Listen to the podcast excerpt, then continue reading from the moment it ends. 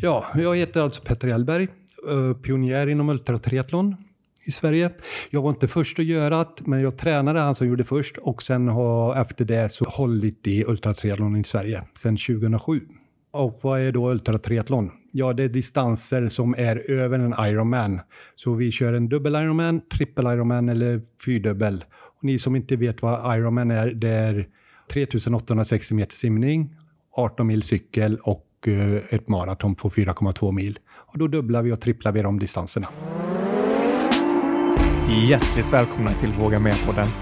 Podden för dig som älskar att aktivera det inre modet och utvecklas både fysiskt och mentalt. Med mig, Mikael Wigerud. Och med mig, Benjamin von Schmuck.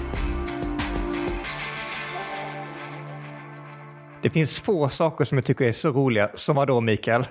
När vi får goa tips. Ja, när vi får tips till podden. Och det här samtalet som vi väntar idag, det kommer just från ett tips från en av er kära lyssnare.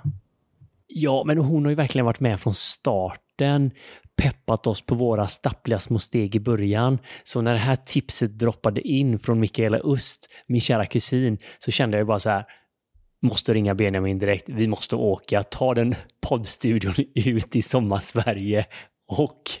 Och tack vare det så har vi suttit i studion idag med en av kanske tre personer i Sverige som har gjort sådana här speciella prestationer där man kombinerar långdistans löpning, cykling och simning.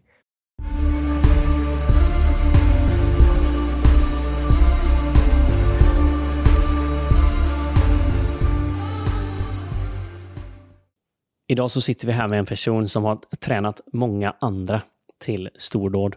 Men han har också själv gjort en hel del stordåd. I alla fall när det kommer till träning och eh, högst märkliga prestationer, skulle jag säga.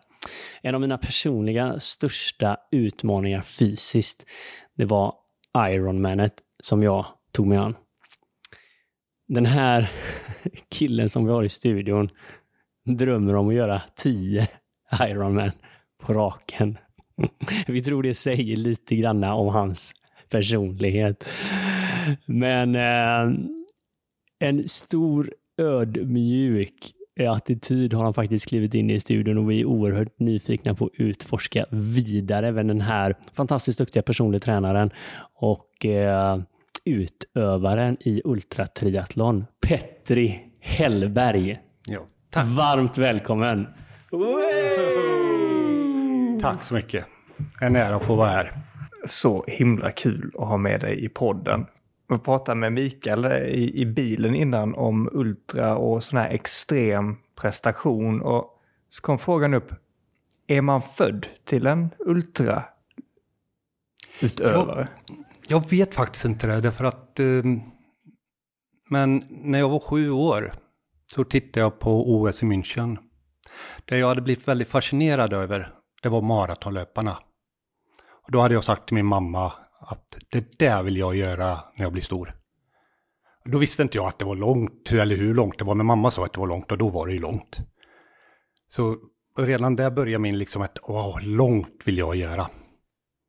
Men efter det så fall, följer det bort och jag började, när jag kom upp i åren, vid 12-årsåldern började jag röka. Och då tänkte jag inte mycket på träning överhuvudtaget i tiotalet år. Så då var det cigg och tjejer som gällde? Ja, och jag var ju jättetuff, den där tuffa killen i skolan som man vill sparka ut nu för tiden. Eller det var synd att de inte gjorde det lite hårdare. Men i alla fall så började man röka. Man fick ju stå vid rökrutan då. Och det var jättekult. Och sen så allt eftersom så... Ja, det blev bara värre och värre med rökningen. Upp till 40 cigaretter om dagen. 40 cigg per dag. Innan jag slutade röka. det, men sen efter... um, Okej, men här är vi i en epok i ditt liv där du rökar mycket Ja, som fan. och festade. Du festar Ja, som fan. Festande kom in vid 15-årsåldern, man skulle vara tuff och cool. Och sen höll jag på att festa mycket som man gör i, när man går i skola och gymnasiet och sådär. Så det var ju onsdag, fredag, lördag när man var ute jämt. Så det fanns något litet intresse för sporten där Ja, vid en det- väldigt ung ålder. Men sen så var Jo, inte men det riktigt lika viktigt. Där, men jag, tog, jag hade bi, gångvägen hade jag 300 meter till jobbet. Bilvägen hade jag en och en halv. Jag tog bilen till jobbet. En och en halv Ja, kilometer. Ja, Ja. istället för att gå de där 300 meterna för att det var jobbigt. Bilen står ju precis bredvid ingången. Ja, då fattar vi lite var vi befinner Ja. oss. Bakfull, tar man bilen. Ja, det var alltid... Nej, jag fattar inte vad man höll på med. Jag skrattar åt mig själv många gånger när jag tänker på hur man betedde sig då. Så um, 88, 1988, då blev jag festutmanad på en kräftskiva i augusti, mitten av augusti. Och då var det en kompis till mig som sa att eh, ska du inte vara med på eh, Billingehusloppet i Skövde? Det är ett 10,5 km lopp i terrängen. Och de medaljerna som han fick, de var så snygga. En guldplakett. Och sån ville jag absolut ha. Och brorsan började ju också där. Ja, det är klart vi ska vara med. Så de utmanar mig. Och då tänkte jag, aj, jag själv, när jag efter några öl under västen så, ja, men det är klart vi ska vara med. Men någonstans tändes det där. Så på, det här var på fredagen. På söndagen gick, åkte jag upp till Billinghus i Skövde.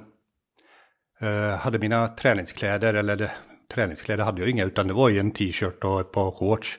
Med ficka i det, för cigaretten var ju tvungen att vara med. Man kunde bli röksugen på de här fem kilometerna. Benjamin, det är gött nu när du kör fem kilometer. Du vet att man blir röksugen. Och som vi, Var det så tog med ciggen till den här första rundan? Jajamän. Jajamän.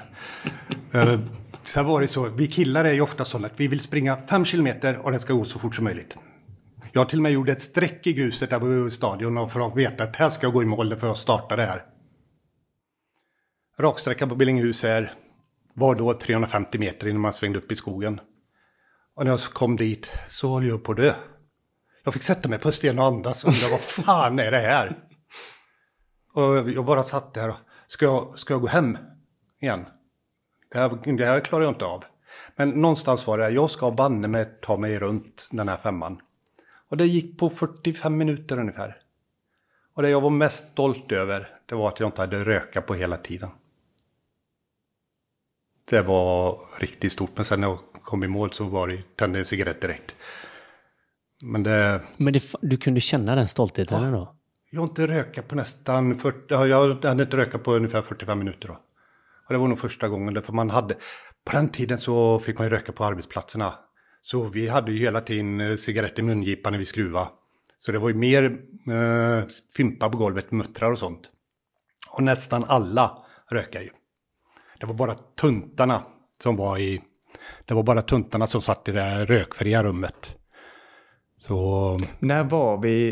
Vilken tid är vi här? 1988. Okej. Mm. Så det var då, efter 300 meter raksträcka, som det blev upplyst om eh, din Ja. egen kondition. Ja.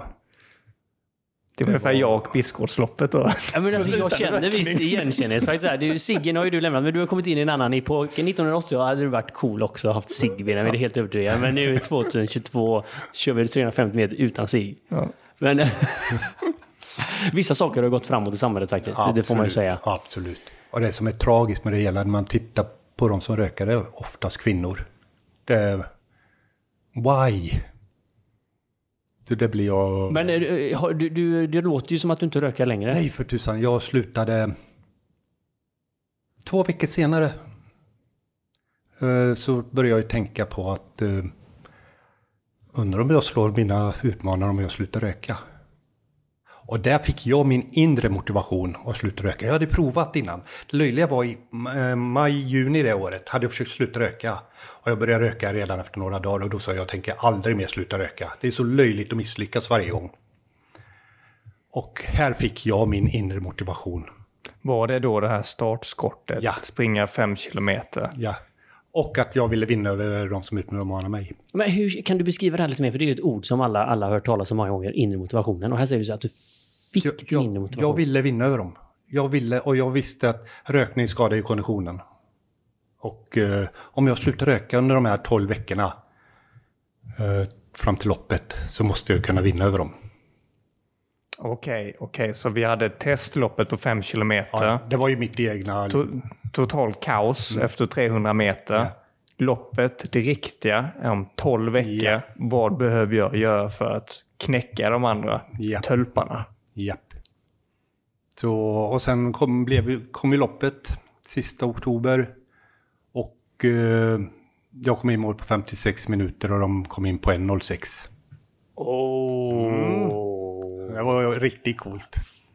Så det... Sen eh, tog det ju... Då började jag fundera på, ska jag börja röka igen? Därför jag hade inget nytt mål.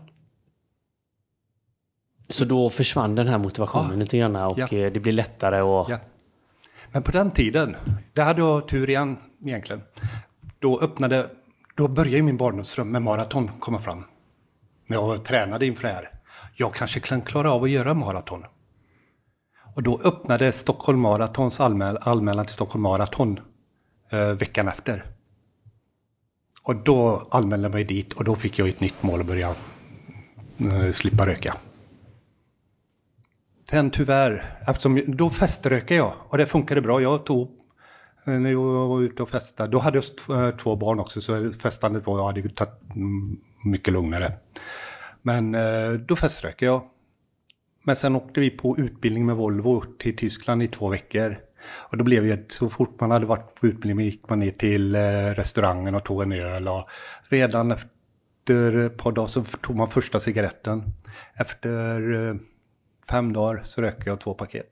Ah, Det satt liksom så hårt i Det, väggarna. liksom, ja, det, därför det, det var ju samma när man satt på restaurangerna så satt ju alla och rökare där hela tiden. Det gick otäckt fort. Men den kulturen är fortfarande kvar. Jag vet när jag är och reser i Österrike nu med jobb och sånt. Jättemånga röker. Och man blir så ovan som svensk att se det. Ja. Alltså verkligen, det är så här, när det är en liten break mellan mötena så går folk ut och röka. Själv tänker man att det är väl gött att få en liten promenad och lite frisk luft. Men det är inte den friska luften de får där. Men vi, vi ska ju komma, alltså resultatet sen utav det här är jävligt fascinerande. Men jag tycker det här är lite nyfiken omkring motivationen. Och som du säger, när man ska bryta ett eh, beroende eller ett eh, mönster egentligen. Alltså rökning är ju väldigt lätt, men det kan ju vara många olika också. Men det är lätt att tänka sig in i i alla fall. Det är väldigt uppenbart så här. Alltså,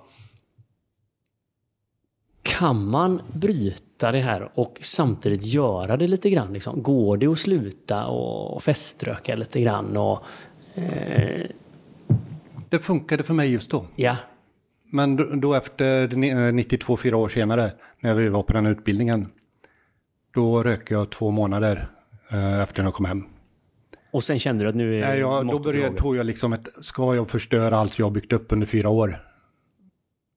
Så, och då blev svaret, nej det ska jag inte göra. Och då slutade jag, efter det har jag inte rökat. Så, Hur, hur var den liksom inre dialogen där? ja, jag ville ju hålla... Möttes du det av, liksom, av, av besvikenhet Nej, jag, på dig började själv? bli, jag blev ju arg, ja, jag blev besviken att jag hade börjat röka. Ja. Uh, därför att det var ju så idiotiskt. Jag, det var, jag höll ju på med det vad jag älskade, springa maraton. Då visste tänkte jag inte på mycket på Ironman och sånt där. Därför att det var ju nytt då. Så då ville jag bara springa marer och springa runt. Min tionde mara hade jag bestämt skulle vara New York maraton. Det blev Kållered maraton, det är nästan samma sak. Hade de ett maraton kollade det? Jajamän. Fan vad fräckt. det blev inte riktigt lika stort som New York Nej. Marathon. Men det är just att då tog jag tag i det. Nu vill jag köra igen. Mm, ordentligt. Ja, för att alltså det, det här är så häftigt idag, men, men idag är du ju pionjär inom Ultra Ironman. Och, eh, Nej, Ultra Triathlon Ironman var det skyddat. ja, just det, man säger Ultra Triathlon. Ja. Eller? Mm. Amerikanerna är bra på varumärkesskydd ju. Vi Jajamän. säger Ultra. Kan, vi, kan vi få en liten beskrivning? Du har ju sprungit Ironman, Mikael. Jag har ju sprungit fem kilometer. För, för folk som lyssnar på det här och mig också, vad, vad är skillnaden på de här olika typerna av loppen? Det är många olika grenar. Hur, hur går det till? Ja, om vi säger trippel Ironman som är min favoritdistans. Därför att det är för långt för att inte sova, men det är för kort för att sova. Så det är en väldigt stor kamp med sig själv. Så lägger man sig och sover kommer man ju inte framåt. Men får, får vi börja lite från början? Det finns alltså enkel Ironman. Det är vanlig Ironman. Vilket jag då tänkte var det liksom sjukaste man kan komma på. Men nu säger du så här dubbel Ironman, trippel Ironman. Och femdubbel och tiodubbel och 30 gånger Ironman gjorde de för några år sedan i Italien. Då var jag också anmäld dit, men där eh, drog jag tillbaka mina Men kan vi anmälan. börja vad en Ironman är då som Benjamin säger? Ja, en Ironman är ju fyra- eh, 3860 meter simning. Sen hoppar vi upp på cykeln och cyklar 18 mil. Och sen så spränger vi en maraton 4,2 mil.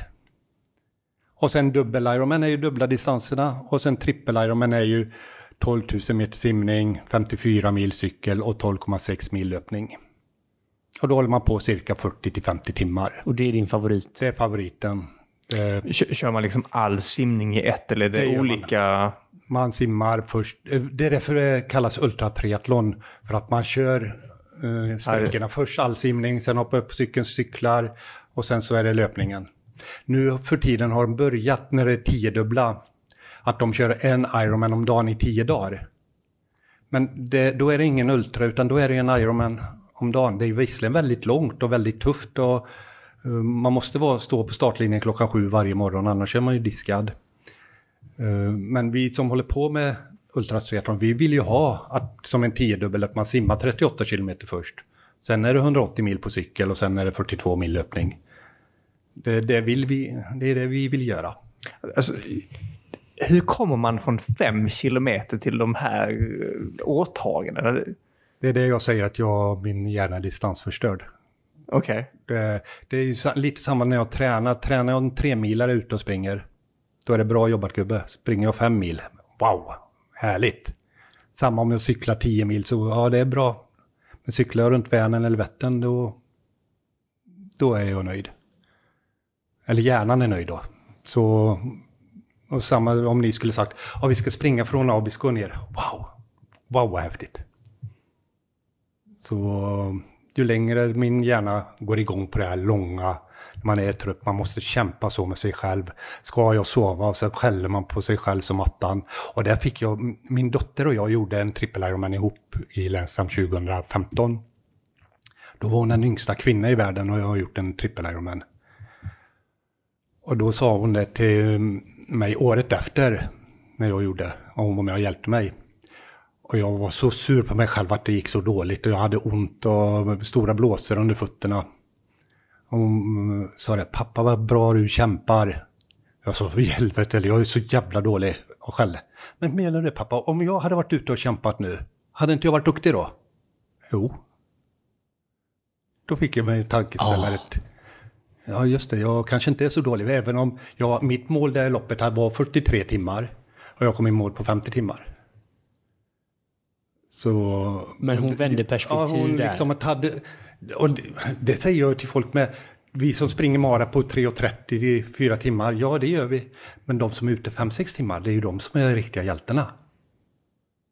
Det är de som är ute och kämpar hur Ja. många timmar som helst. Och det, det, men i mitt huvud till mig själv gick det inte in då. Men det här är så jävla intressant. Både hur man har den här piskan mot sig själv och alla är så jävla hårda oavsett vem man är av de här egentligen. Och kunna vända lite på det där när man ser vem är vinnaren av loppet? Är det den som tutar in på tre timmar? Eller den som kommer efter nio timmar? Det är en jävla skillnad på lopp. Men vad tror du den här eh, inre motivationen till att pressa dig själv till sådana här åtaganden att vara fysiskt aktiv, ganska extremt fysiskt aktiv i över dygn? Jag vet inte vart den kommer ifrån. Det, det vet jag inte, utan det är bara med.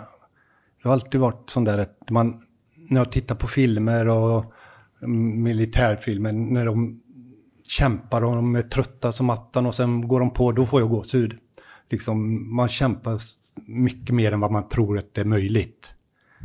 Så det har jag alltid gått igång på. Sen att jag hatar militären själv, eller inte när jag gjorde tjänstgöringen, för att det var ju det här kompanistryk ungefär, att alla skulle göra samma sak och jag gjorde mitt i Finland. Och det var liksom då, det var så många dumma saker. Jag hade velat ha den hårda träningen. Men just allt det idiotiska att vi skulle gå och lägga oss i skogen bara för att vi är- var dumma. För att vi skulle knäcka psykiskt för att byggas upp på hela den, vad de, hur de nu tänker. Men det här vara igång jävligt länge. För, för man ser ju dina ögon när du berättar. Eh, inte bara att, att det här handlar om att bräcka hur långt Benjamin har sprungit och du ska springa tio gånger så långt som honom. Utan det, det, Det räcker inte mycket. Tusen gånger. det är någonting du får av att vara igång länge. Ja, Vad är det som händer när man är igång så här jäkla länge? det händer massor. Eh, Och sen många frågor, vad är det som händer? Du har gått i mål i en Ironman. Vad, vilka känslor hade du när du gick mål där? alltså he, hela min Ironman-resa är ju en känslostorm egentligen. Eh, från att ha varit en eh, idé från mig till brorsan. Alltså när jag fyllde 30 så fick jag att vi skulle göra en svensk klassiker av brorsan. Det var en del i mitt liv då jag kände att jag skulle sluta med nya sporter. Jag skulle liksom ha mer tid över till annat. Jag höll på med för mycket saker. Och så kom han där och bara grattis, vi ska göra en svensk klassiker. Liksom, fyra nya sporter och en miljard prylar. Och jag bara så här, tänkte jag att det var den sämsta presenten jag någonsin har fått. Men så blev det världens roligaste ett och ett halvt år. Alltså typ fantastiska minnen. Och då tre år senare, när han skulle fylla 30, då tänkte jag så här, men hur ska jag liksom på något sätt bräcka detta?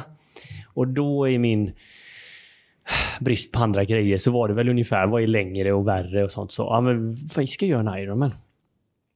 Det jag inte hade liksom tagit in i beräkning, det var att jag skulle göra en sån eh, brutal livstidsförändring och liksom lämna all struktur i Sverige, säga upp mig från jobb, göra mig av med alla mina pryttar och mer eller mindre flytta till Indien. Eh, och i allt detta då så var ju den här Ironmanen väldigt, väldigt långt bort. Mm. Men plötsligt då när han fyller år och eh, han hade ju så, och eh, helt plötsligt så börjar den här Ironmanen närma sig. Jag är i Indien och jag vill mer eller mindre känna att jag ska ställa in den här Ironmanen. För det är helt omöjligt. Eh, brorsan ringer ner. Eh, vad gör du när han säger att han har hållit på och tränat? Och jag var så här, ja men jag kan inte vara med. Jag kan inte vara med på den här Ironmanen. Eh, så från vad min värld var då, Ironmanen är ju testosteron, det är så jävla långt, det är så mycket prestation. Allting typ som jag försökte utveckla inom mig själv då, det bara liksom var totala motsatsen Ironman. Det bara triggar allting inom mig. Jag bara kände, det gjorde ont i min kropp av att tänka på den här Ironmanen. Och jag säger till brorsan, jag kan inte vara med på detta. Och så hör jag typ i tystnaden hur jävla besviken han blir. Och jag har nog aldrig riktigt hört honom så besviken. Så typ säger han så här. Ja, alltså jag har ju verkligen förberett mig för detta. Och så typ sitter jag där i hans besvikelse. Och det var ju min jädra sketidé från början. Men då i stunden är jag inte förmögen att, att ändra, utan jag får lägga på där och tänka jag får göra honom besviken. Skit fucking samma liksom. Eh, men sen så sitter jag där med detta och så tänker jag liksom, vad är egentligen problemet? Det var ett par månader kvar till Ironman. Jag var i Indien. Okej, okay, det var svårt att träna triathlon där i Himalaya. Liksom. Men jag tänkte så här. Vad är det ångesten kommer ifrån? Vad är den här prestationen kommer ifrån? Är det från Ironman i sig eller är det från mig? Kan jag typ flytta bort de här prestationskraven? Kan jag bara gå ut och ha världens dag? Mm. Göra så bra jag kan? Och om jag failar, alltså vad är ens det? Ja, brorsan, jag kommer inte i mål. Mm. Då börjar den här idén växa inom mig. Och typ på stapplande steg så tänker jag så här, okej, okay, men från och med idag. Nu röker jag inte, men liksom, jag tänkte så här, från och med idag då ska jag göra vad jag kan. Så började jag leta på området där i ashramet, hittade en jävla mountainbike. Okej, okay, nu har jag en cykel i alla fall. Nu ska jag börja cykla lite här i bergen. kan jag simma? Nej. Okej, okay, men jag kan bada och jag kan ta några joggingturer. Och där föddes en idé om att jag ska göra vad jag kan för att genomföra den här Ironmanen. Men när jag sitter på cykeln ute på Öland. En sån här solig, superfin dag. Och jag bara tänker så här, varför är jag här? Typ? Det är helt okej okay om jag inte går i mål. Det enda jag ska göra är att göra mitt bästa. Testa kroppen så mycket som möjligt. Alltså då bara droppar jag in i ett flow. Jag tror ni hade varit igång fyra timmar, någon sån här, simningen en timma, cyklat i ett par timmar. Alltså då en av mina starkaste meditativa upplevelser. Det var så jävla vackert. Kroppen bara rör sig med naturen. Jag såg örnar flyga, solen. Alltså alla publiken som bara stod och hejade på mig. Det är så coolt. Ja, det var så... Alltså jag får rysningar än idag. Tanter som stod i liksom sina trädgårdar och slog på kastruller och... Och man bara rör sig mm. för sig själv. Testa sin kropp. Se vad som händer. Att vara igång så länge, när man får rikta ner fokuset mm. under så lång tid, så händer det så jädra... Alltså när tankarna tystnar, tycker jag, då liksom får man får kontakt med universum alltså. Mm. Det är det som är det härliga. Man blir, man blir så tömd på energi. Eh, så alla känslor blir väldigt, väldigt stora. Och det är en sån stor härlig kick så varje gång jag kommit i mål så flödar ju tårarna. Även om det har gått dåligt så är jag lycklig att jag har kommit i mål och det är så härlig känsla.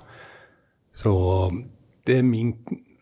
Det är den kicken jag längtar efter ofta. Man, man är så tum på känslor att så allting, alla känslor blir enormt stora. Alltså du sätter så himla fina ord på det. För, för, för som man, och jag ser dig lite som en sån karakar och finne och liksom så. Inte det första man pratar om med känslor, jag kan säga från mitt egna perspektiv också. Men just de här gångerna när jag har varit så in i helvete trött. Första gången på liksom mitt Vasalopp när jag gick i, i däck, höll jag på att säga, men på Ironman också. Just det här när, när den här manliga fasaden krakulerar. Jag kommer ihåg, jag bara tänkte på mamma och det bara rann tårar ifrån ögonen. Och det är typ belöningen. Alltså det här är märkligt. Men det är typ helt magiskt att vara så i kontakt med den sårbarheten. Ja. Men att man ska behöva trötta ut sig typ 10-20 timmar för att liksom... Jag kommer ihåg en gång på, det var en, en trippel. Jag var trött. Det gick hyfsat bra den gången.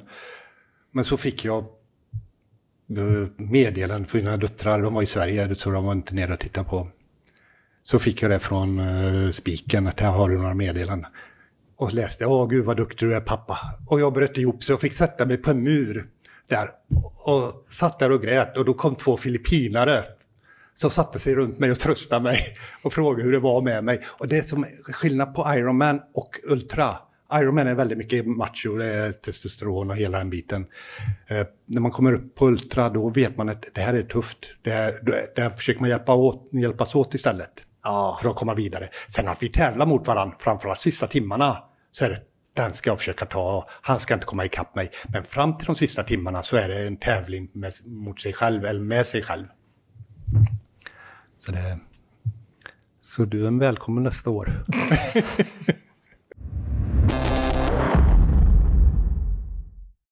det som jag tycker att det är härligt det är just som ultralöpning. Eh, Jag brukar säga till mina kunder, "Ja, nej, men hur kan man hålla på så länge? Som sex timmar är en, rätt så bra distans. När blir det ultra? Över maraton. Över maraton? Över- I Norge och i en del andra länder så är det fem mil. Ja. Men i Sverige räknas allt över maraton som ultra. Okej. För vi hade ju, vi snackade lite ultra, vi hade ju varje steg här. Eh, snackade lite ultra, de skulle springa ett 16 eh, milslopp. Ja. Men det var, Rune Larsson var lite pionjär eller i, Sverige inom för tusan. ultralöpning. Han är eh, den som alla vi som håller på med det har ju han som idol. Absolut. Jag har sparat utklipp. eh, Han skrev ju Springtime då på den tiden om sina resor och löptävlingar och allting. Och de har jag sparat. Det har varit motivation för mig att läsa dem. Så ja, helt underbar man. Eh, Han var ju han var ju först i Sverige med de här riktigt långa distanserna. Han har ju vunnit eh, Spartaklon några gånger. Och det är 24 timmars, eller man håller på i 24... Det är 24 mil man springer tror jag. Det är inte många som kommer i mål men det är på nätterna över bergen. Och han var ju också en sån som han kunde springa och sova. Så han sprang med ena foten på gruset, det ena på asfalten. Och jag märkte att båda fötterna var på samma ställe. Då vaknade han till och kollade vart han var på väg. Det här är så bisarrt. Är- Jag kan knappt tro det. Men tog du hjälp av Rune när du drog igång Eh, detta? Ja, jag hade honom lite som mentor. Jag skickade lite mejl och skulle åka till honom i Trollhättan och prata med honom. Men mejlledes fick vi hjälp hur han tänkte, förklara hur han tänkte på de här långa distanserna. eh, och hur jag skulle försöka tänka. Eh, så vi hade en del kontakt. Vad då. kan man säga då, då? Hur ska man tänka när man ska göra något sånt här? eh, Liksom, Sitter det liksom enbart i psyket eller är det i kroppen? Det är eller? väldigt mycket psyket. Det är väldigt, väldigt mycket. Man ska tro att man klarar av detta. Det är det som är det viktigaste. Sen om man kanske inte klarar av det, det är en annan sak. Men man ska tro att man klarar av det. Ehm, det är det jag var inne Så på. med tankarna här är jävligt viktiga. Ja, det var det jag var inne på här med sex timmar. Så jag brukar säga till mina klienter och de, kom och titta hur vi ser ut när vi springer. Det kommer tanter, gubbar som går de här sex timmarna. Det är tjocka, feta som håller på i sex timmar och jobbar. Jaha, kan de? Ja, men då kanske jag vågar vara med. Och då kommer de, är de med i första sex timmars och sen, ja men det kanske är kul att köra ett 12 timmars lopp också. Sen, är de med och det är helt underbart. Ja, för man kan ju undra så här, varför ska man göra en sån här sak? Men på något sätt, vi har rört lite vid belöningen. Men typ att, att överträffa sig själv är ju en ofantligt mäktig känsla. Ja. Kanske till och med från att jag tror att detta är omöjligt, Mm. till att förbereda sig till att möta det jävla motståndet när man är som tröttast. Ja. När varje steg är nästan omöjligt. Ja. Alltså den vinsten. Det borde ju alla människor få uppleva. Mm. På, Nu på, tycker jag att ni kan försöka sälja detta till mig då som inte har kommit längre än en mil. ja, men det kan också vara... ett- Alla behöver inte springa Ironman.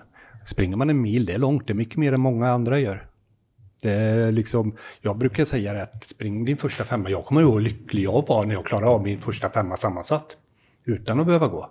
Jag var görlycklig. Och det brukar jag förklara och komma tillbaka till också. att Jag håller på med mina distanser.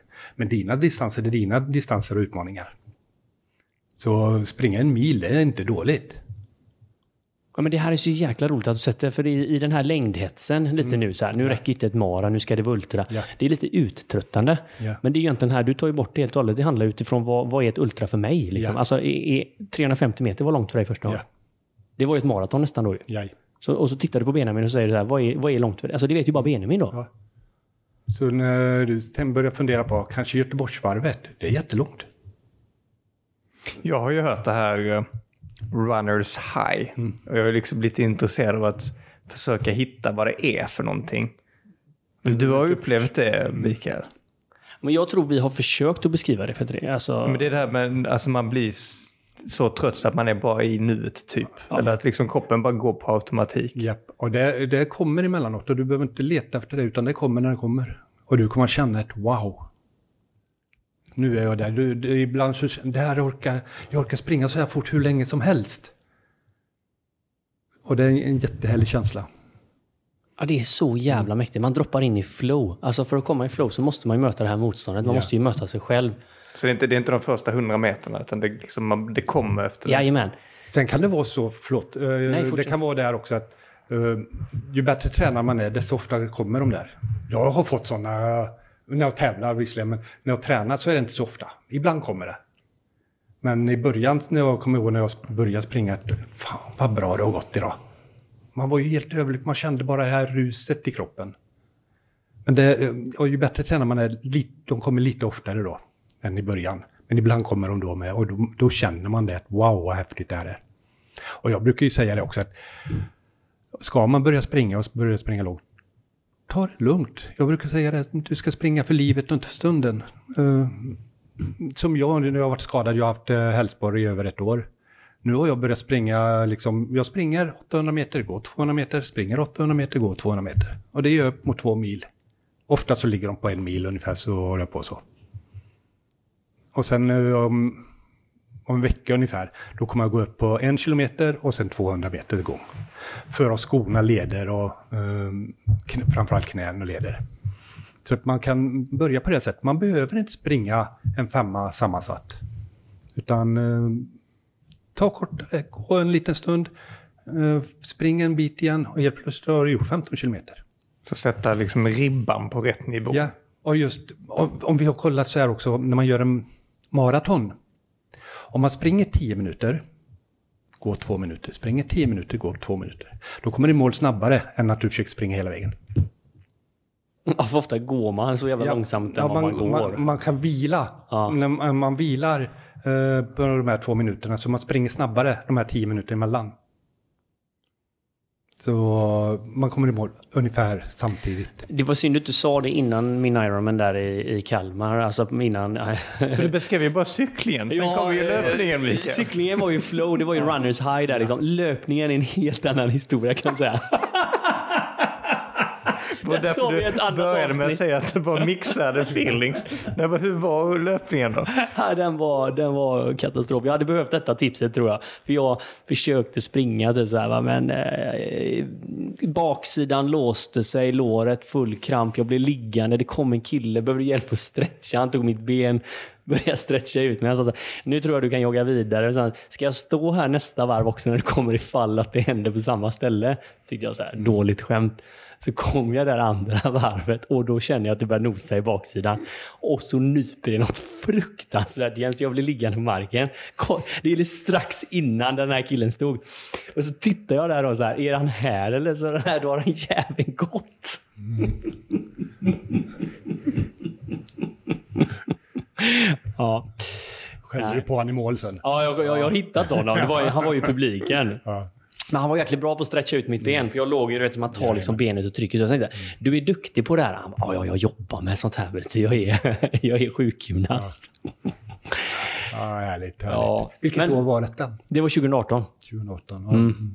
Det var ett jättefint eh, år tror jag. Det, fantastiskt. det var en sån dag som den här, nästan 25 mm. grader och strålande sol. Men det här att komma igång. Jag tänkte du sa att din dotter har varit med också. Då måste du ha sett henne från små, små stegen i början till Nej. triple Ironman. Nej. Nej. Hon började så när hon var med och hjälpte till på en VM, nej, EM på dubbel Ironman. Då rökade ju hon också. Eh, hon skulle vara med som barnvakt till min son. Um, han, hennes halvsyskon då. Men hon blev så fascinerad där så på natten när vi höll på att springa en dubbel Ironman är ju cirka 24 timmar. På natten där så, så hade hon sagt till Petra, eh, Kari Martins fru, heter Petra, och han, jag ska göra det här nästa år. Jag ska göra en trippel nästa år. Eller snart. Ja, eller hur? Sluta röka du först. Ja, då gick hon och bort, bort sina cigaretter till en man som rökar där. Och så slutade hon röka och sen så började hon träna. Ja, men skojar du? Går hon bort ciggen där? Ja. Och eh, 2014 gjorde hon sin första Ironman i Kalmar. Och sen 2015 gjorde vi trippen ihop. Hur gammal var hon då? Hon var 23. Så det, men sen, hon kunde bli bäst i världen. Eh, hon, hade, hon har den kroppen och hon är jätteduktig på att springa och sånt. Men hon pallar inte med trycket på sig själv och, och hen, hen, hennes psyke pallar inte med det. Hon älskar att springa långt och hela den här biten. Men just det här med sponsorer, hon kunde få så mycket, men då blev det så stora krav. Mm. Så det tyckte inte hon om. Så nu är hennes stora mål att springa ett 100 eh, milslopp i, vad heter öarna, inte Grönland utan... Island? Nej. Där isbjörnar går också. Svalbard? Svalbard, ja. Mm. Då går det ett 100 lopp, 16 mil. Det har hon som mål eh, nästa år att springa dem för äventyrets skull. Men jag gillar det här lite faktiskt. Jag, jag, jag, jag känner inte henne, men jag kan känna liksom de här vibrationerna nästan lite grann från det här att det är ju så mycket tävling så mycket. Men det är inte alltid den vägen man måste gå. Och du säger så här, hon kunde blivit bäst i världen. Mm. Men hon har valt en annan väg. Mm. Och nu ska hon springa för äventyrets skull. Ja. Alltså jag tror att vi är så jäkla många som skulle kunna göra det. Få av oss kanske kan bli bäst i världen, men mm. på Göteborgsvarvet kanske man kan springa under 1.30 mm. eller vad det nu är. Va? Men what's the point? Mm. Om man uppnår det eller inte. Mm. Ja, faktum är att när jag började springa så träffade jag var uppe på berget i Billingen då, och sprang och sen träffade jag en lärare. Så gick vi och pratade lite med varandra. I hela min värld då när jag började, då var ju tävlingar det viktigaste. Det var ju det man tränar för.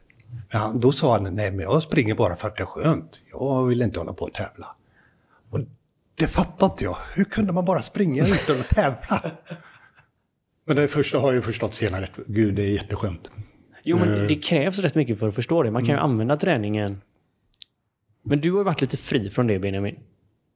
Du tänker i alltså, tävlingen? Mm. Ja och nej. Jag har inte tävlat mot någon annan Förutom när jag sprang två dagar sedan. Så när jag kom ner på rakan så var det ju någon som var 200 meter framför. Och så tänkte jag jag håller mitt tempo och så började jag ta in och då la jag på lite. Så att jag visst, det finns en viss tävlingsmänniska i mig. Mm. Men jag har ju lagt bort eh, pulsklocka och jag tar inte tiden längre. Utan det är faktiskt en varje steg avsnittet som jag har gjort det. För då är mitt mål, mitt mål är att springa så att jag känner att min kropp ligger på bra puls mm. och inte pusha för högt. För det gjorde jag i början och då är liksom på 180 puls. Och mm. Gjorde det hela loppet. Liksom. Det, är, det är riktigt bra. Jag har ju min klocka på mig när jag ska springa intervaller. Men Annars har du inte det? ja, nej. Nej. Då känner man springa på känsla. Och fan vad gott det gick idag.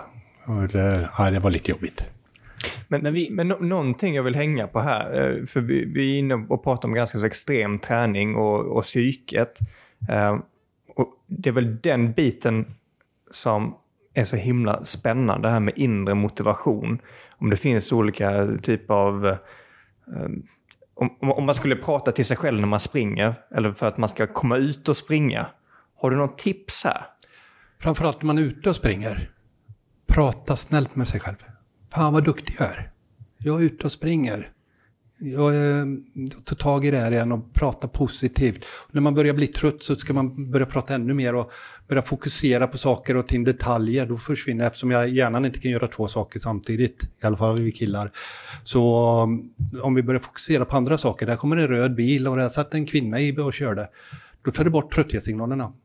Och just det där att börja tänka och prata positivt med sig själv, det gör att man blir, när man blir trött sen, om man tävlar, då kommer de här tankarna tillbaka. Varför håller jag på med det här jävla- som det blir när man långlopp? Vad håller jag på med? Oh, mina ben väger Ja. 300 kilo styck. Och då tar jag liksom fram varför jag håller på. Eh, Jag gör det här därför mina tränar med mina döttrar och hela den här biten. Så eh, då får jag glädje i det här och tröttheten försvinner och då orkar man lite till. Så väldigt mycket det här prata positivt med sig själv. Och sen just att ta sig ut. Då brukar jag säga, skriv upp i sin kalender, idag ska jag träna. Jag ska springa idag. Fem minuter, eller 15 minuter eller 30 minuter, det spelar ingen roll, men jag ska byta om, sticka ut. Fem minuter, jag springer runt kvarteret. Ofta så blir det kanske två, tre varv runt kvarteret när man väl kommit ut. Bara det att liksom Men- kläderna ska Ja, på. man, kläderna ska på, man ska ut och man springer bara dit bort och tillbaka. Då har man gjort det. Då är man liksom, jag gjorde det, jag gav inte upp för att jag är lat idag. Därför hjärnan är lat för oss alla. Vi vill jättegärna sitta framför tvn eller datorn och... Jo, men det är ju ett jädra krig där att få Ja. på sig kläderna och komma ut Ja. för majoriteten av människor. Ja. Och om man vet att man behöver inte springa en femma, utan det räcker med att springa, bara göra grejen att jag sticker ut. Ofta så, ja, jag sticker ut fem minuter, jag springer runt kvarteret. Då blir det kanske två varv runt kvarteret. Och då är, man, då är man så nöjd med sig själv när man kommer tillbaka. Det är den här första tröskeln då, som Ja. man ska liksom arbeta ner. Ja. Och jag jämt när jag har haft mina eh, träningsuppehåll och sånt, då börjar jag alltid så. Jag ska bara ut och springa en liten bit. Sen blir det en femma ändå till slut, men målet, eller min eh, målbild då, det är en kort 10-15 minuter. Jo, men göra det sjukt lätt för sig Ja. att bli en vinnare. Ja, Alltså jag har vunnit om jag bytt om och kommit ut. ja. Och resten om något händer är en bonus. Mm. Men jag kan också vända och gå in. Jajamän. Då- Men du har bytt om och gått, kommit ut. Och det är så, alltså man, kan, man vill ju bara sätta händerna i luften och göra liksom winning pose. Alltså Ja. det den, den känslan måste vi ju skapa mer. För det Ja. är ju fasen att bygga inre motivation. Ja. Alltså, fan om man bara piskar på sig själv hela tiden och säger skittaskiga saker mot sig själv, att man är en loser. Alltså det, energin är ju slut innan man har börjat.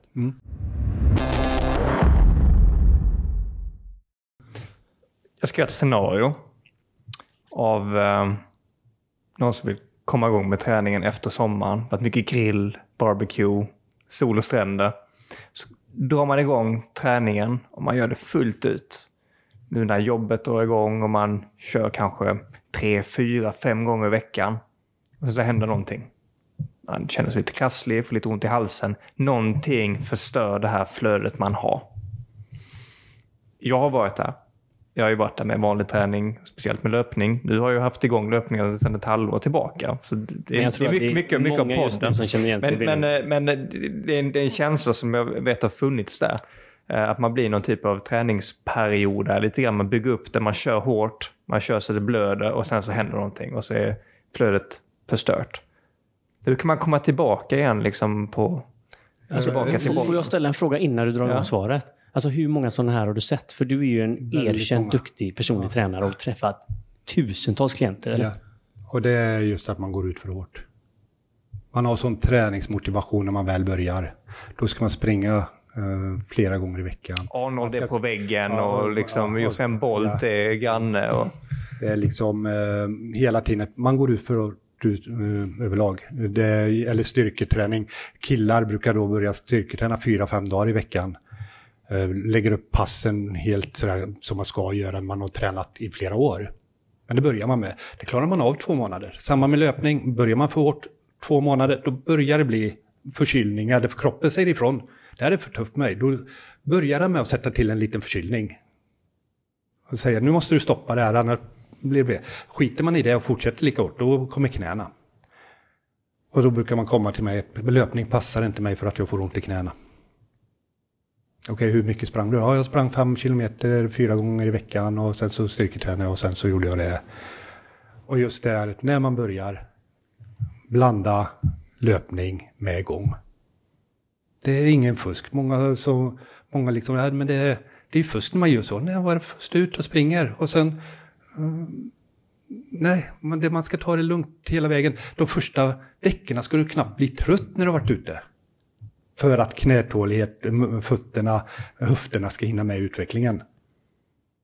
Sen när man har sprungit kanske fyra, fem veckor, då kanske man springer på sin första tvåa utan vila. Och sen går man lite igen. Sen ökar man upp det så efter tio veckor, då ska man egentligen vara där man springer eh, kontinuerligt. Men även där, vi kallar ju ultrabackar, vi som håller på med ultra, och det minsta lilla stigning, då får man gå. Det har vi alltid. Är det en ultrabacke? Ja. Alltså det är bara att det lutar då, då, får man, ja, då får man gå. så vi lägger in det för att, att springa i en uppförsbacke, det sliter jättemycket. Så om man går i den så klarar man av att springa tuffare sen igen.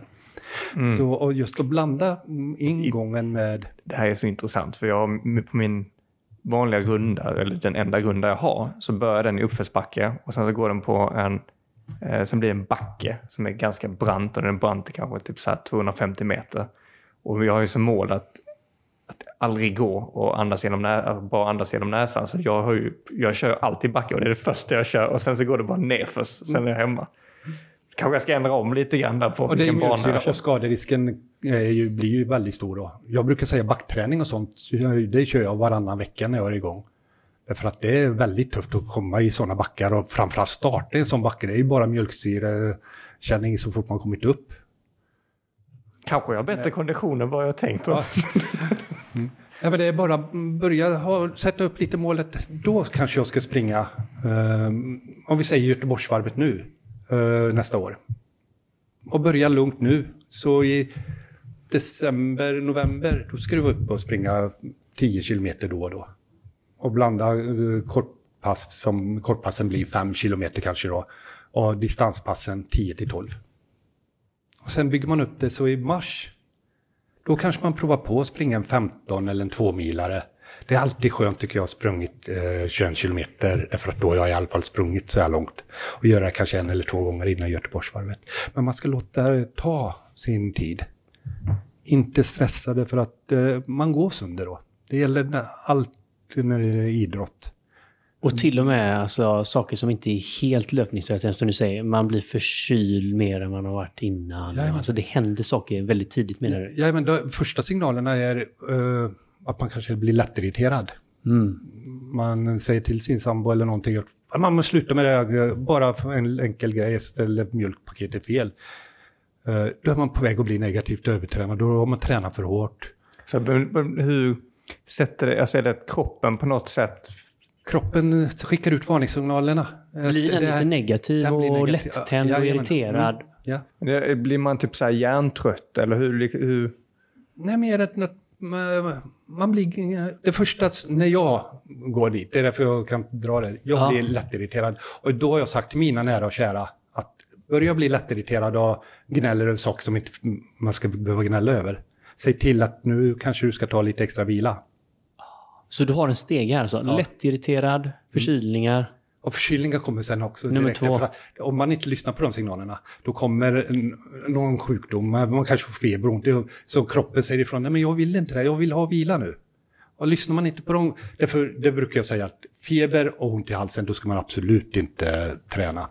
När man har lite ont i huvudet och lite snurr och lite hostig, då kanske man kan prova, hur känns det idag att springa? Men gör man ont i huvudet då kanske man till och med ska springa, man kanske ja, behöver lite syre och så. Ja. Men går det inte över redan från början så då kan det bli tokigt. Då, då blir man mer och mer negativt och sen till slut så går man sönder. Så verkligen lyssna på kroppen eh, mm. som en nyckel. Det här är ju så spännande för att mycket av den problematiken vi har då, nu pratar vi om, om, om träning så va, men att vi är disconnectade från kroppen, hur mycket vi trycker oss fel och, och konsekvenserna av detta. Det här kan ju lika väl komma från mycket jobb eller från ett intensivt liv eller också i kombo med träning då, alltså många parametrar. Många måsten hela tiden. Exakt. Men det är subtila signaler som du säger, att vara lättirriterad. va? Den är ju inte många... Alltså jag såg ju inte mig själv när jag var lättirriterad. Jag har ju gått igenom den här fasen också. Men den var jävligt lätt att bara nonchalera. Skylla på någon annan. Eller? Men det var ju du som ställde mjölkpaketet här. Jävla idiot, tänker man. Ungefär, ungefär. Jag var ju sån, men då när jag var som bäst, eh, när inte jag lyssnade, då visste inte jag de här signalerna. Utan då tyckte jag, fan vad dålig jag började bli. Så jag började träna ännu mer. Ja. Men det är inte risken också att man känner att om man får lite ont i halsen eller man känner lite feber, då tar man liksom någon Alvedon och någon Ipren. Jag säger det ska man inte göra. Nej, men det, finns, det måste Det finnas finns en... de att, som att gör folk det, men liksom, det, just feber, ont i halsen, det är sådana här kännetecken som eh, man inte ska träna på. det är no-go. eh, hjärtmuskelinflammationer kan komma Ja, jag har själv stor respekt. Jag har en kompis som fick det och han blev inlagd på akuten i över en vecka. Och det, det som utlöste att han fick en sån här, eh, det är ju en inflammation. Va? Eh, Det var att han bara två öl, så här, 24 pack upp för trappan när han var förkyld. Om man nu ska få det så är det en bra anledning att bära två flock öl upp för fem Liksom. trappor. 48 öl i... i och, och, 50 och efter, efter det så var det ingen kul party för det var akuten sen. Så att, Men det var liksom den prestationen som fick gjorde, det. ja, hjärtat, gjorde fick, hjärtat fick jobba för mycket Ja. under den.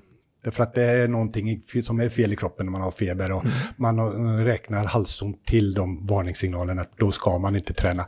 Men känner man sig initialt i en förkylnings eh, symptom när man börjar bli lite snörvlig, då ska man också vara försiktig. Men har man gått igenom några dagar och börjar känna att nu börjar jag må lite bättre, då kan man börja träna. Eh, så när man börjar bli sjuk så ska man också lyssna på kroppen. Att nej, men det, här, det här känns inte riktigt bra. Då är det bättre att vila den dagen och vänta till nästa dag. Kolla om det har gått över eller kommit tillbaka. Därför man och det gör man ska- man. Alltså, man får checka in, man får vila. Alltså, kan man vila mer än man tänker sig? Kan Ja. man vila en vecka eller? Ja, ja, ja, liksom, men sen måste man lyssna på sig själv. Ja. Eh, därför att, um, som jag sa förut, alla vi är lata. ja. Så det är väldigt lätt att ja, men jag, jag börjar på måndag. Och sen går måndag. Nej, men jag börjar nästa måndag. Eller första december är bra att börja på. Eller gå ut och gå, alltså gör något Ja, ja, mjukare då. Då kan man göra, det kan man göra det som inte pulsen går upp på. Gå ut och gå och bara en bra byta om. Känns som man tränar när man har bytt om. Uh, även Och man om får den här vinnarkänslan, man byter ut, Ja. man går ut och går. För, för det är precis som du var inne på, Ben. jag menar att det, det är så lätt man tappar mönstret. Alltså man kommer igång, man får förkylningen och så är man körd och så, Mm. och så, och så tappar man. Jag tänker, du måste ha sett så många olika typer av människor, att du kanske ser några mönster. Vad är det för folk som kommer till dig? Alltså, ser du innan om de kommer att eh, gå i fel riktning? Eller? Ofta, ofta. Det är liksom... Jag brukar ibland så kommer de till mig, köper en massa timmar, sen tränar de för mig en gång i veckan eller två gånger i veckan, sen gör de inget mer själv. Och jag säger, då kan ni ge mig pengarna istället för att det gör ingenting. Ni måste ta tag i era liv själva också. Ni måste liksom träna kanske en eller två gånger i veckan själva. Men då behöver de att du polisar dem där. Ja, men att då märker man ofta det att nej, ja, nej men det är jobbigt. Sen har jag några klienter som har sagt att nej, men jag vill ha det som socialt eh, nätverk. Jag kommer ut och bara kan prata lite och dra lite i maskinerna. Men det, då är det hennes val att göra det. Därför jag, för den här personen så skällde jag på henne, men nu får du liksom, det, det är bortkastade pengar att göra som du gör. Men jag vill det här, jag tycker, jag är jättenöjd med det. Okej, men då har vi, då vet vi bägge två vart vi står. Men Då är ju förväntningarna satta Ja. rätt också så att man inte... Så vi har jättetrevligt när vi träffas. Vi pratar mycket och sen drar vi lite i maskinerna och sen så... Så just den där att man måste ha sin egna inställning också. Jag vill det här. Och det kan vara en bra fråga som just med när vi har med kostrådgivning och sånt där. Vill du det här? Eller är det någonting som du bara, jag bör göra detta? Mm. Och då får man en tankeställare riktigt att okej, jag, jag kanske inte riktigt är där. Alltså, jag tänker så här nu. Det har ju flödat ganska mycket inspiration i detta samtalet från olika perspektiv. Och man känner lite pepp. Att det gnistrar lite inom sig. Att man vill börja röra sig i ett momentum. Börja få till lite livsstilsförändringar. Ja. Hur ser det här ut? Liksom? Kan du hjälpa lite igång och första stegen? Det som, första stegen är ju väldigt lätt egentligen. Det är att ta sig ut. Bara ut och gå lite snabbare tempo.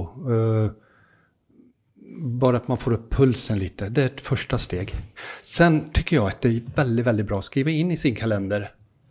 Eh, träning, träning, träning. Då vet man. Det som är uppskrivet är mycket lättare att göra.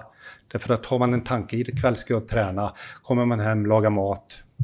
Ah, det blir jobbigt. Men står det träning där, ja, men jag sticker ut med en liten runda. Eller sticker till gymmet eller vad som. Och ta de här små stegen, skriva i det. Göra lite som vi var inne på förut. Att det behöver inte vara 5 km, det kanske räcker med 500 meter fram och tillbaka. Att man gör någonting och kommer in i det hela vägen. Så, nej men det kan... Ja, man måste hitta egna motivationen där och tycka och belöna sig själv. Det är väldigt, väldigt viktigt. Okej, jag har gått ner de här fem kilorna nu, ja då går vi ut och festar. Nej, då köper vi lite nya kläder eller belönar sig med något annat, eh, gå på teater eller... Ja. Därför vi människor är så konstiga egentligen överlag. När vi mår dåligt så skalar vi bort allt som vi mår bra av. Och behåller det som vi mår dåligt av. Vi på något sätt straffar oss Ja, där. vi straffar, vi tar bort träning, vi tar bort teaterbesök, vi tar bort biobesök. Eh, Vi orkar inte läsa längre, som jag mår så bra av egentligen, att jag älskar att läsa böcker. Vi behåller det tuffa arbetet, eh, kanske förhållanden. Men allt som vi mår bra av tar vi bort. Så fira med saker vi mår bra av. Ja, att man försöker när man har gjort det, okej jag har gjort nu, jag, nu, nu har jag sprungit tre gånger i veckan i två månader. Ja men, då får jag köpa nya skor om jag vill. Det är min belöning. Så det Jag har förtjänat de här skorna. ja. Ja. Ja, men man firar lite då. Händerna i luften, Jajamän. pannan mot baren, nu spränger vi taket. Nej, det var något annat. Benjamin kollar på mig, vad fan säger du? Om det är så att man eh, är lite van löpare och man vill eh, testa sig på lite mer avancerat lopp eller ett ultra och så här. Vad skulle vara ett, ett tips till, eh, till en sådan person? Först och främst att han börjar mentalt förbereda, förbereda sig på att han kan det. Men hjärnan är ju, som jag sa, hjärnan är jätteviktig att ha med. Sen ska man vara ute och springa långt emellanåt. Jag, som, jag skulle vara med vid ett 24 timmars lopp nu i somras. Och där gjorde jag ett fel, därför jag, jag bok, eh, äh, best, äh, eh, anmälde mig till loppet i mars. Jag blev av med min hälsporre då, precis. Och det var bara fyra månader, tre månader till loppet. Och då började jag ju springa lite för tufft. Jag gick och joggade och gick och joggade. Och då sa min fru efter två månader, men Petris, springer du inte lite för mycket nu för att eh, du har inte sprungit på flera månader? Nej, men jag kan inte springa för att jag ska springa eh, Göteborgsvarv, utan jag ska ju springa ett 24 timmars lopp. Så jag måste gå lite över gränsen. Och då brukar jag, hjärta och lungor och de var ju med. Men sen två, tre veckor innan loppet så, aj, då smällde luften av. Och då gick jag, då gjorde inte jag som jag lär av, utan jag var, ville. Det är skönt att även Ja, jag ville forcera. här kan göra Ja, jag ville forcera det, för jag ville vara med på det här loppet i Skövde. Eh, därför att min eh, svärson, min dotter som gjorde en Ironman, hans, eh, jag var hemma hos eh, dem då, så pratade om det här att jag hade anmält mig till 24-timmarsloppet. Så kom han ner efter, stack han in i, mm, till datorn och sen, ja men nu är jag också anmäld. Så, och han hade, ja, han har sprungit något, eh, något långlopp när de bodde i USA. Så, och då ville jag ju också vara med då. Så därför försökte jag träna för att bli i form till det ordentligt. Och vinna över honom. Så, Viktigt. ja, men det, det gick inte, utan då tränade jag för hårt. Och då, jag var medveten om det också, att det här kan vara att jag går över gränsen. Och det gjorde jag. Så att just man tänker på det, ska man göra ett långt lopp, man måste vara ute och träna eh, långt. Men man måste av, även lyssna på kroppen, att man kan inte träna för tufft. Vilka typer av var, var, varningssignaler var det du ignorerade just denna gången då? att höften börjar, mm. den börjar kännas av lite. Och sen eh, blev det lite mer och, och sen så till slut så eh, var vi på Rhodos. Och där skulle jag springa, jag hade tänkt mig att jag springer en mil varje morgon där. Och sen eh, sprang jag, stack iväg och sprang och efter tre kilometer första dagen så eh, kunde jag inte springa mer. Sen tog det några veckor och sen gick det tillbaka, men då, då var 24 timmars. Då var jag där och hjälpte till istället. Och nu nästa, mitt nästa mål då, det är 12 timmars löpning i Växjö. Lucia, eh, Lucia-helgen, eh, runt Lucia där. Och, men då har jag fyra månader på mig nu att bygga upp det lite lugnare. Och då är det bara 12 timmar också. Så då är det lite lättare. Det som är roligt är bara det att man springer, startar klockan sju på kvällen tror jag. Och sen springer man hela natten. Och som svar på din fråga, just när man vill springa långt. Spring på natten. Ställ klockan klockan 12 och stick ut och springa tre timmars pass på natten. Det är så jävla häftigt. Det är ingen annan ute och springer. Det är lugnt, det är fint. Det göra sånt som inte någon annan gör. Man får en väldigt härlig kick av det. Sen är det några som skakar på huvudet som kommer hem från jobbet och sånt på nätterna. Då, men det är en annan sak det.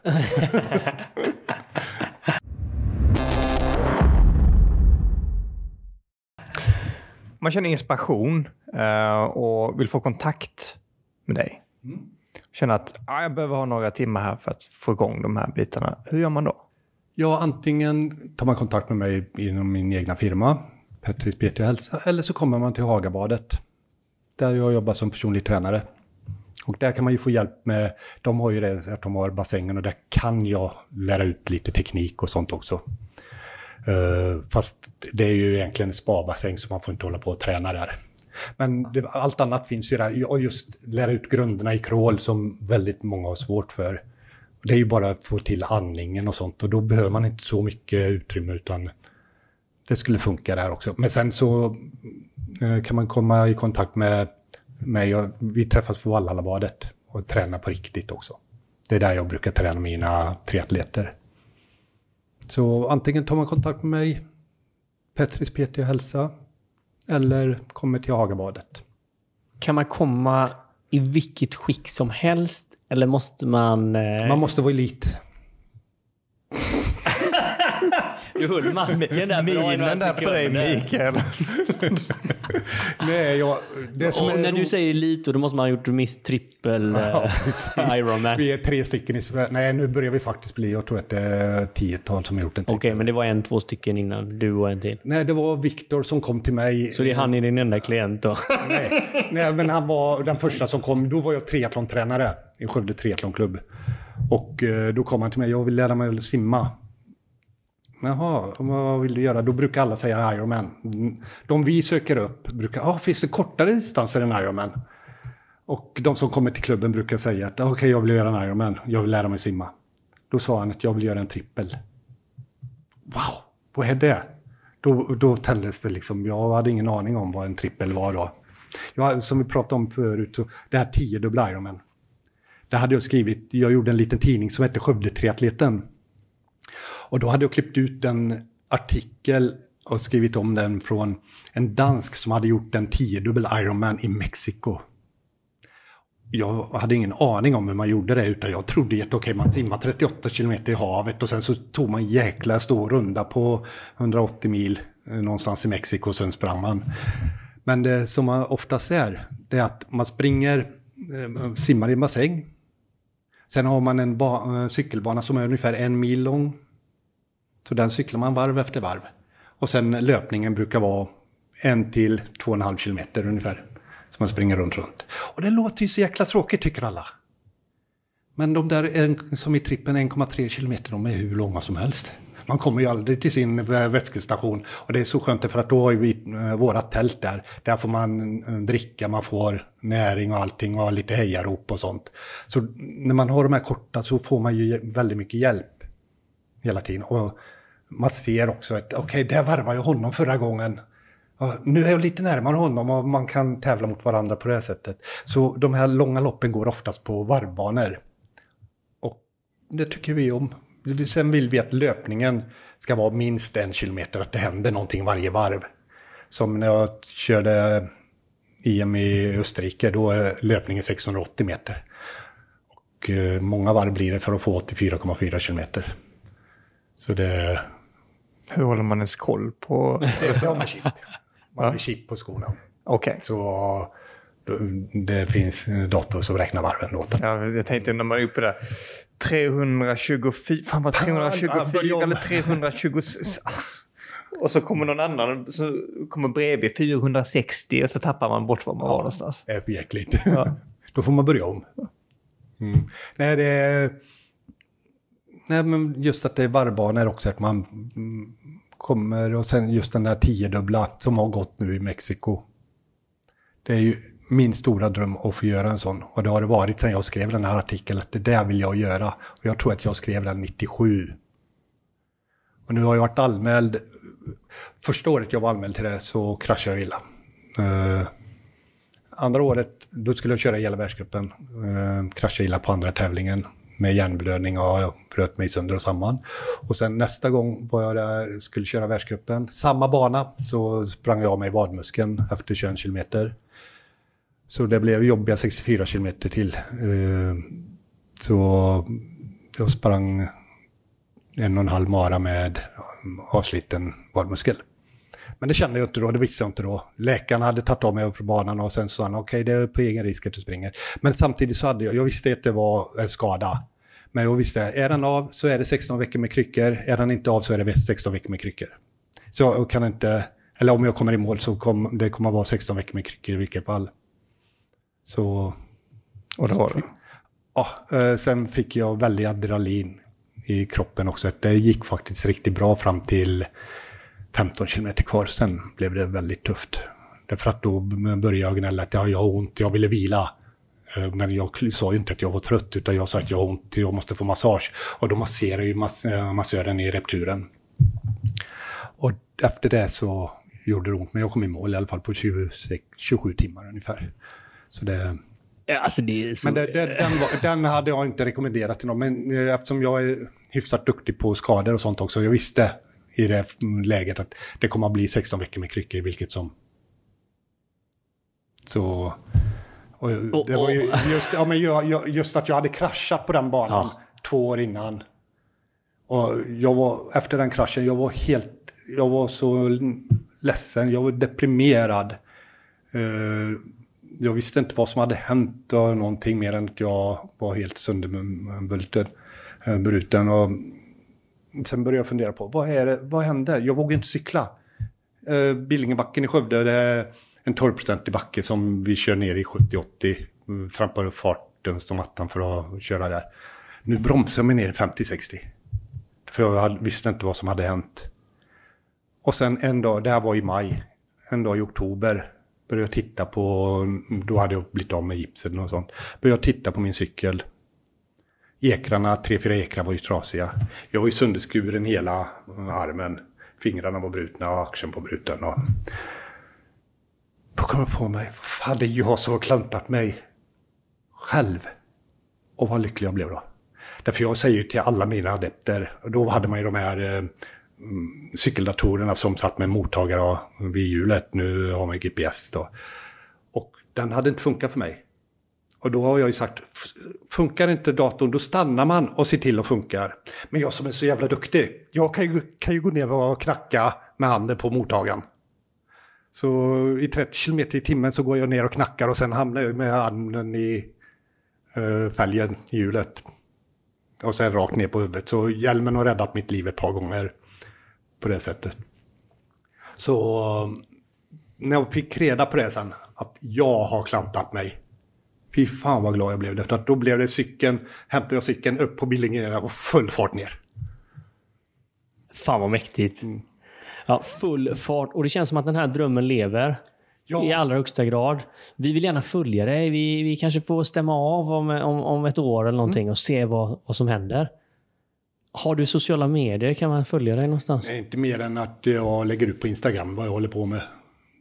Men jag har inte, och Facebook. Ja, men vi lägger in ditt eh, konto så att om man blir sugen på att se mer av det så hittar man det. Vad heter ditt konto? Uh, PTP3. på Instagram. Fantastiskt. Och hur var det nu då? Fick man komma både som elit och... Man får komma, ja, förlåt. ja, eh, jag älskar och de som kommer helt orörliga nästan som inte kan och kunna träna upp dem och se dem när de springer sin första kilometer eller cyklar eller har varit på styrketräningen tre, fyra dagar på en vecka och bara liksom eh, skiner. Jag älskar det. det. det. är jättehäftigt att se alla nybörjare och, mm, som tar tag i sina liv. Eh, det gör mig jättelycklig. Och det lyckligaste jag blir när jag är klienter, det är när klienter kommer och säger att de inte har ont längre. Det, då har man gjort eh, verkan och det är en underbar känsla. Den tar vi med sen, oss. Sen om du kommer och säger det att Oj, jag klarar av att göra en Ironman. Oh, skitbra, det, det blir jag också glad över. Men jag har inte ont i ryggen längre. Jag har inte behövt få sjukskriven på ett halvår nu. Den känslan är oslagbar. Den tar vi med oss, Benjamin. Stort tack. tack Stort själva. tack.